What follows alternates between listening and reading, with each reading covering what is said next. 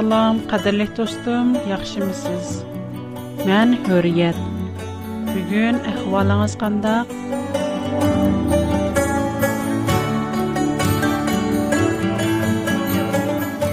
Ötken bir attınız, aldıraşçılık içinde ütüp kettim. Dostlarım her daim, günüm, hizmet, öy, hizmet öy deyip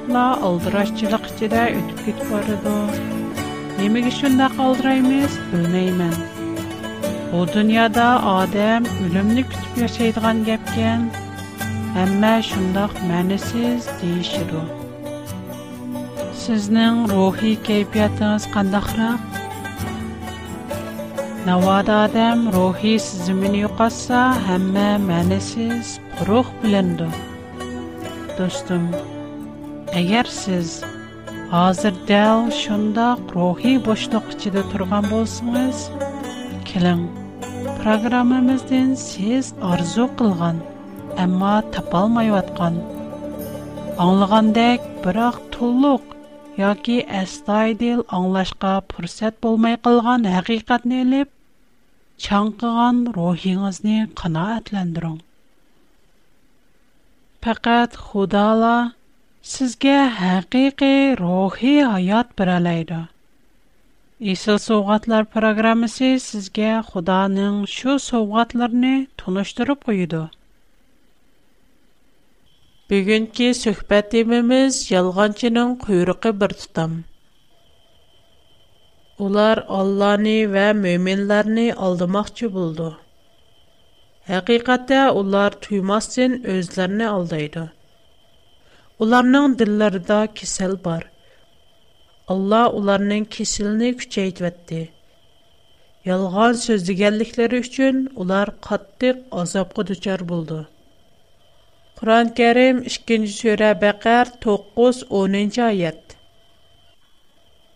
Бәлкім қадірлік достарымның әммісіге ялғанчының құйрықы бір тұтам деген бұл хикая интайын тұнышлық болсы керек.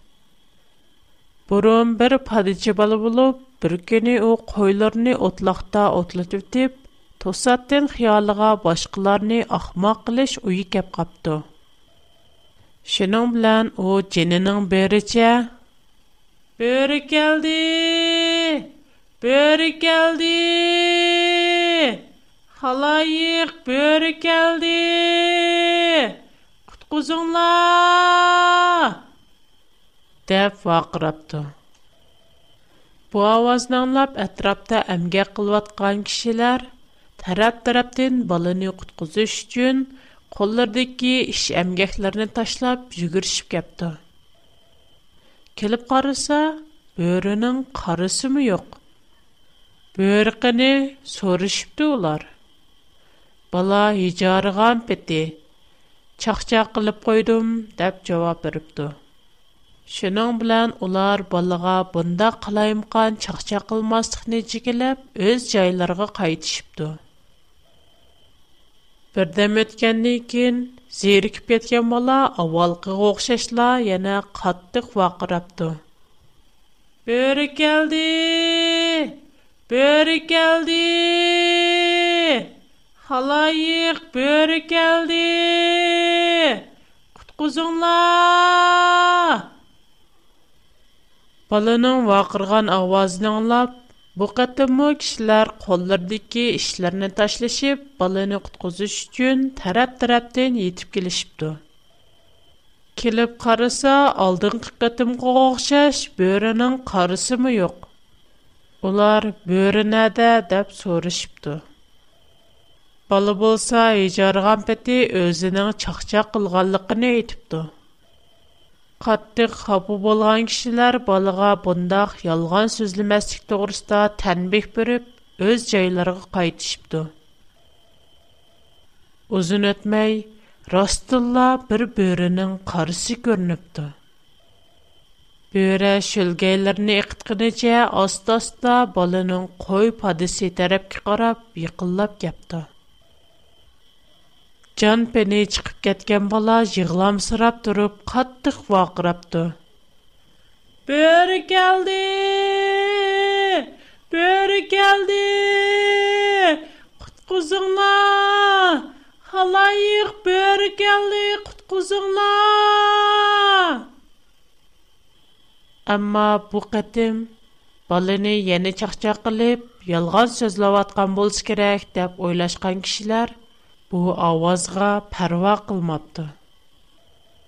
Бала жығлапды, дженінің беріці бөрі келді қудкозонла деп тавла вырыпды.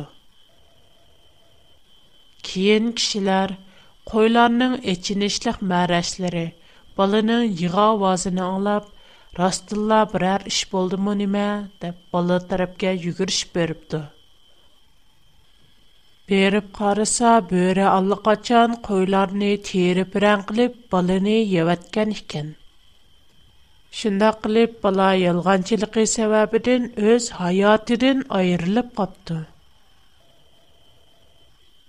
Yolg'onchining quyruqi bir tutam degan bu tamsil mushu hikoyadan kelib chiqqan ekan.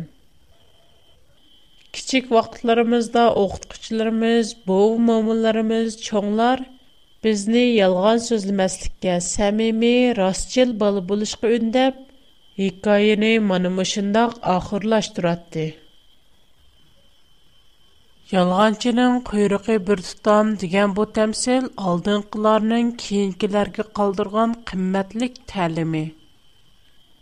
Бірақ азир турмышымызы қарайдғам олсақ, атубоуыларымыз айыплап сөккен ялғанчылы маденитімізге сыңып кермекті. Нұрғылған кішілер аңчы мүнче елған сөзләшнің ечқандақ зейіні оқ деп қарайды. Яны бәзілер болса, өзіміздің мәнпәті яки башқыларының мәнпәті үшчен елған сөзләш, біз амалсызлықтен чықарған қарар. Аңча хата ішемәс дейді. Бірақ қадірлік тұслырым, ойлап бақайлы. Һәр бер әмәлләребезне күзәтеп, ой хыялыбызны баш колдак билеп турдыган Худаның алдында башкалар билмеди яки билмәйди дип ялган сүзлесәк, Худа кында койлар. Һәр бер кытым ялган сүзләп аткынымызда безнең әмәлләребезне хатırlап аткан фәриштәләрчү. Фәриштәләр кында койлайды. Улар безне кында адам дип карайды. bizning amallarimizni qandoq xotirlaydi palonichi o'z manfaati uchun bugun mundoq mundoq yolg'on so'zladi yoki pukunichi tuni kun boshqalarning manfaati uchun mundoq yolg'onlarni aytdi u xili tuzuk odam deb xotirlamdi so'z aloqa kishilik munosabatda odam rostchil yoki yolg'onchi səmimi yoki səmimiyyətsiz deyə ikiyə ayrıldı.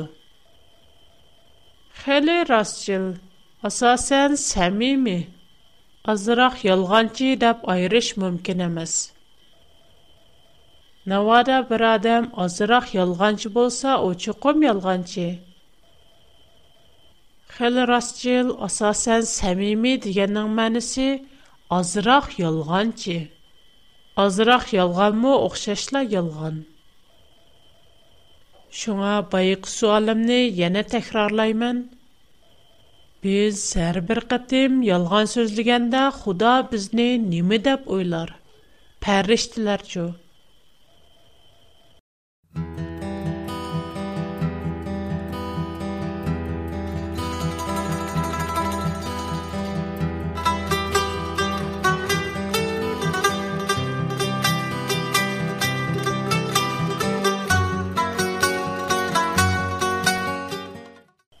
خۇدا ئەقىل پاراسەت ئاتا قىلغان دۇنيادىكى ئەڭ ئەقىللىق كىشى سۇلايمان پەيغەمبەر تەۋراتنىڭ تەلىملەر قىسمى 6 باب 16 ئايەتتىن 19 ئايەتكىچە كىشىلەرنى سەمىمىي بولۇشقا ئۈندەپ مۇنداق يازغان.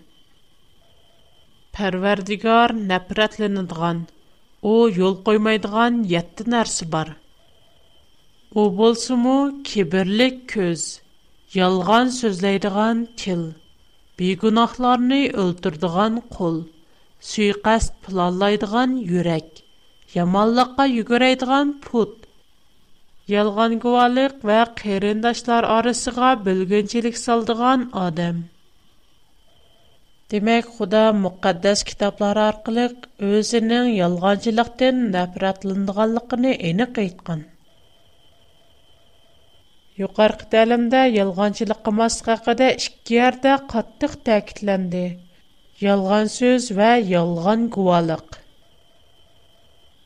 Худаның مۇققەددەس قانünü بولغان 10 بەزدىمۇ يالغانچىلى قىلماس خەقىدە قاتتىق ئاغخlandۇرش بار. Xدا ئۆز بارمىقى بىلەن تەۋەت تاشتەسا يازغان 10 تەەرماننىڭ 9 бүткіл инсаларга ялған күвақлық бәрмә деп қанун бәрген.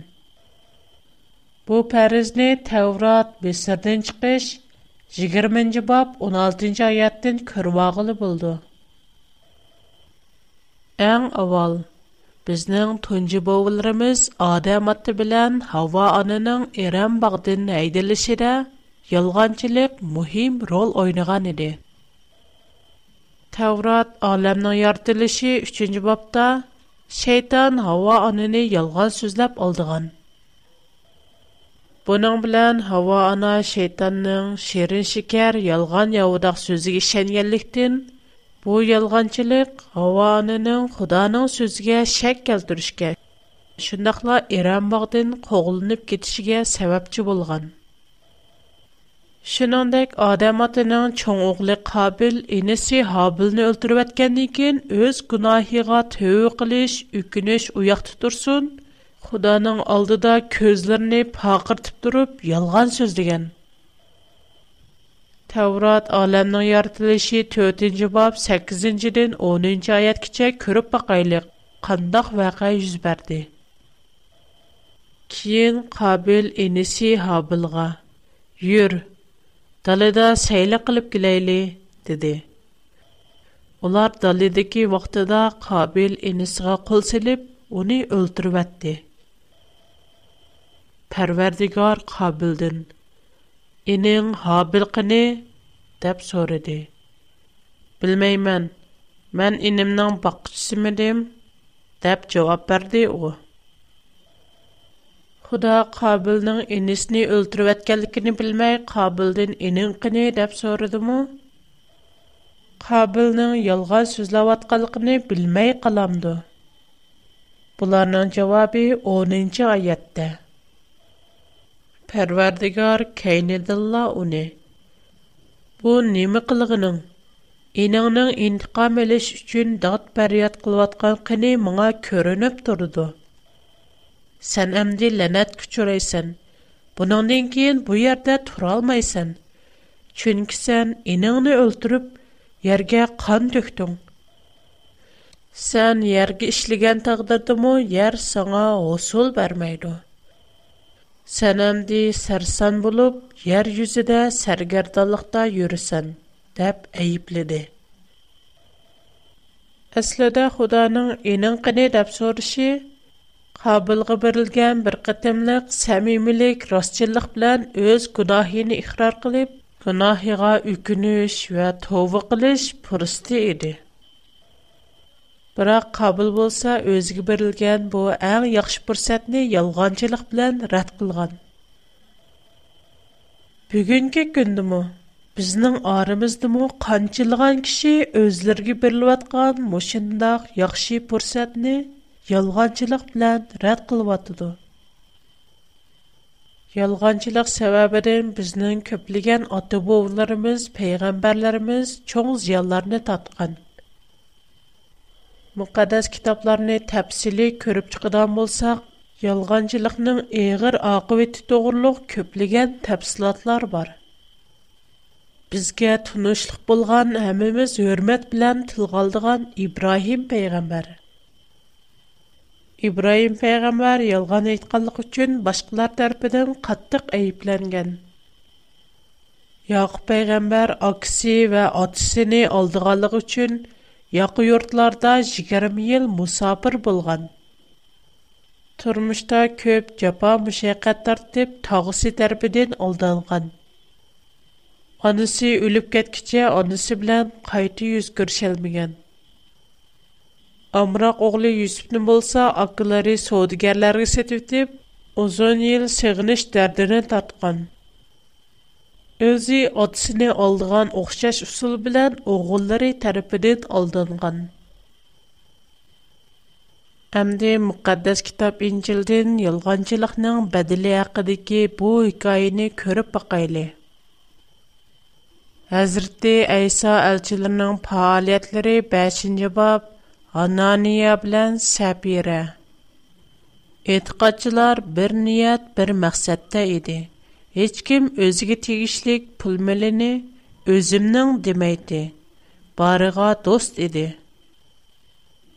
Анания исемлек яңа бер адам мо аялы Сәпирә белән бер парча йерен сатты. Анания бер кысым пулны өзгә калдырды ашқан пулны йермизнең һәммә пулымы шу дип элчиләргә тапшырды. Аялымы буныңдан тулык хәбәрдар иде. Петрос уныңга: "Анания, немишка курсқынга шайтанны киргизүп, йер саткан пулның бер кысымын үзеңгә калдырыш белән мөхәддәс рухка ялган әйттең. Йер сәтелмәгәндә синең иде. Сетілғаннан кейін пул мо өзіңнің. Шындақ тұрықлық, яны немішқа ғаразлік алды. Пулның әмісі мұшу дәп кәлдің. Сән инсан ғыл әмәс, худағы мұ ялған еттің, деді. Анания бұл сөзіне аңылған ғаман еқіліп жан үзді. Бұл үшіне аңылғычылар бәк қорқышып кәтті. Яшлардан бер нәтис кирип, җәсәтне кипәлләп сыртка апырып дәпне кылды. Тәхминән 3 сааттан кин Хананияның аялы кирип келди. Бирок у булган вакытын техи хәбәр тапмаган иде. Петрос оныңдан Маңа әйттең, сілер яр сатқан пұлның хәмісі мұшымы? Дәп сөріде. Шындақ, хәмісі шу, Дәп, жавап берди у. Петрос, силар неме үчүн муккаддас рухны сынап тил бириктирдиңлар? Караң, эриңизни дәрне кылып келгенлер ишик алдыда турду. Улар сизни ме акитиду? диди. Уму шуан Петросның Петрустың алдыда йыкылып жан берди. Элеки яшлар кирип, Уның өлгәнлегене күріп, уни мәеләп берип, әренең яңага дәпне кылды. Бүтән иттачлар җемаатчелегенә ва бу эшне алганларны катып, коркыныч басты. Юкаркы Кайның чөңкүр сабыгы Худа ялгынчылыкны яхшы көрмәй дә. Худа мөхәддәс китаплар аркылы буны дине безгә чөңкүр төшәндергән. Зәбур 101-5 мисрада мондақ дейілді. Достларға үшірін түхмет қылғычларыны юқты бін. Тәккәбурларға сәвір қылмаймын. Худаға садықлардың хабар алымын. Оларға өз ордамдың орын бірімін. Камил садықларға ғабқұрлық қылымын. Елігерлер ордамды тұралмайды. Ялғанчылар алдымды тұралмайды. Программа ахырда достумга адресимni deb Агар мен билан bilan aloqalashishni қалам ва va qog'oz tayyorlab программа programma oxirida adresimni xotirlab olasiz. Bizning hayotimizda mehr-muhabbat муҳим. Əgər mehr-muhabbət, səmimilik, rastçılıq üstügə qurulğan bolsa, o həqiqi mehr-muhabbət. Navada onunğa yalğancılıq aralashsa, o hərgiz muhabbət bula olmaydı. Bəlkə o adavət, öçmənlik, bölünüşdür. Muhabbət yoludakı bir cib qız yigit öz ara rastçıl, səmimi bolmasa, بیلپ دروب قارشی طرف نالد سا اولارنن بربرگ بلغان شنچی یکول دو. اگر عائل өз ара ارا شنچ بل مالختن به خطر لک توی غصب بل میاد. نوادا من دوستم نالد پیغام بوسام. اونو مانع بلغان شنچی یکول булай, яки, اینکه قدم булай, О, хаман sözümden şeklendi. Менің ашу бір қатымлық мәлім сөвәплер түпәйілдің қылған елған сүзім отырымыздығы ішенмәсіхнің ұлы болып қылған. Менің бір еқін тұқыным бар. Оның қиырындашылары оның ішенмейді. Әтті аялы, ата анысымы оның ішенмейді. Һәр кытым у атанысга берәр хаҗитне исә атанысы уның сөзге шәнмәйде. Уларның тунҗин касы бәлкем у ялган сүзләп атыды. Гипенең тайны юк, шинеш тәс. Уның өчен дөньяда иң якын, иң мехрибан булган атанысы шәнмәгә яда уның дуслары, урук тукканлары кандак Мәлі яхшы ниетле ялған сүз булсын, яки яман ниетле ялған сүз булсын. Ялған әйтмәслек иң яхшы. Худа һәр бер ихтиҗебезне булды. Әгәр без берәр мүшкіл, қиын иш күчүреп, кандак һал кылышны белмәсәк, уни Худага тапшырып рәйле. Безне сәмими, расчыл булышка үдінген Худа безгә ярдәм кумай каламды. Худа интайын расчел ва самими. Шейтан болса, ялғанчылықның болысы. Шуңа о даим Худаның самими расчел болыш принципіға қарсы чықып, әмі ерге ялғанчылықның ұрқын чачыды. Инжил Юханна баян қылған хош хабар 8-нче бап 45-нче аятта Атаңлар шейтан болғашқа, сілер му оның арзусы бүйте іш қылысылар. О әзелден қатил әм әқиқат тұрмайды, чүнкі оныңда әқиқат йоқтыр. Ялған сөзләш оның тәбиі құсусиеті. Чүнкі о ялғанчы вә ялғанчылықның пірідір, дейілген. Демек, дүниадыки барлық ялғанчылық шайтанның келген. yolg'onchilikmi o'xshashla cho'ng gunoh qur'oni karim yigirma to'rtinchi sura nur o'n beshinchi oyatda mundoq deyilgan o'z vaqtida bo'htonni tilinglar bilan tarqatdinglar bilmaydigan narsanglarni eg'izinglarga oldinglar uni sal chaqladinglar holbuki allohning nazarida u cho'ng gunohdir Яна 40-нчы сүре Гафир 28-нчы аят. Эгер ул ялганчы булса, ялганчылыкның җине уның үзигедер. Эгер ул расчыл булса, ул силәрне куркыткан азапның бер кысымы силәргә киләды. Алла һәқиқатан хәддәдән ашкан ялганчыны һидоят кылмыйды. Кәдерлек тустым, сорап бакай. Сез достларыңыздың яки тунуш билишларыңыздың сезгә ялган сүзлешене яктырамсыз? Бәзіде һәм мәлім сәбәпләр түпәйледен башқаларға ялған сөзләп қоямсыз. Тұрмышымызда шында қышлар ұшырап тұрды. Рас сөзлісіңіз, сіз чүкім қиын әхвалығы қалсыз. Бірақ ялған сөзлісіңіз шу үшінің асан бұлышымын атайын. ھاەنكى باشقىلارنى ئالىدۇق تۈگىنىمimiz بىلەن ئەمەلىيەتتە ئۆسىىزنى алدەيم. بىزنىڭ باشقىلارغا قىلغان يالغان سزümüzمىز ئەمىيەتتە xداغا قىلغان يالغان سۆزdürر. ناوادا بىرəرى ماڭا يالغان ئېيتقان بولسا ئەمىلىيەتتە ئۇ ماڭا ئەمەس خداغا يылغان يتقان. چنكى خۇدا ھەمىمىزنى ئوخشاش با vەر ئەزىىز قىلىپ Без кишләргә ялган сүз дисек, олар белмәсә, Худа белдер. Бундакта Худаны ялганҗылыкка чыгарган hükүми неме?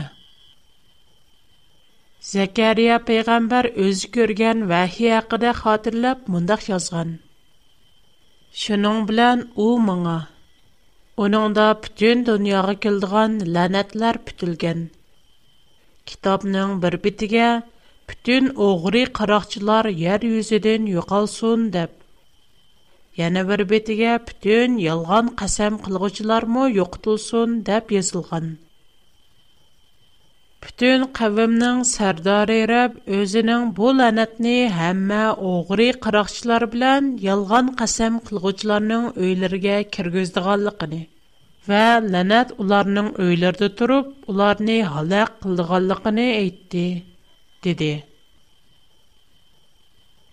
Мен оқып отқан бұл аят Таврот Закария кітабы 5-ші бап 3-ші 4-ші аят.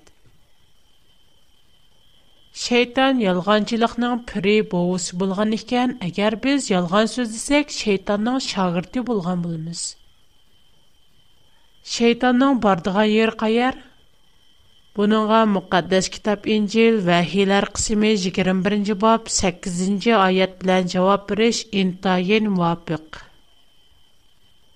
Лекен қорқынчақ, имансыз, ергенечлік, қатил, зинахор, сихригер бұтпарас вә елғанчыларның несевесі гүнгірт білән янған от деңізудыр. Мәні бұ 2-ci Худа безнең булардан ибрат элишimiz өчен мөхәддәс китаплар аркылы безгә көп савакларны берде.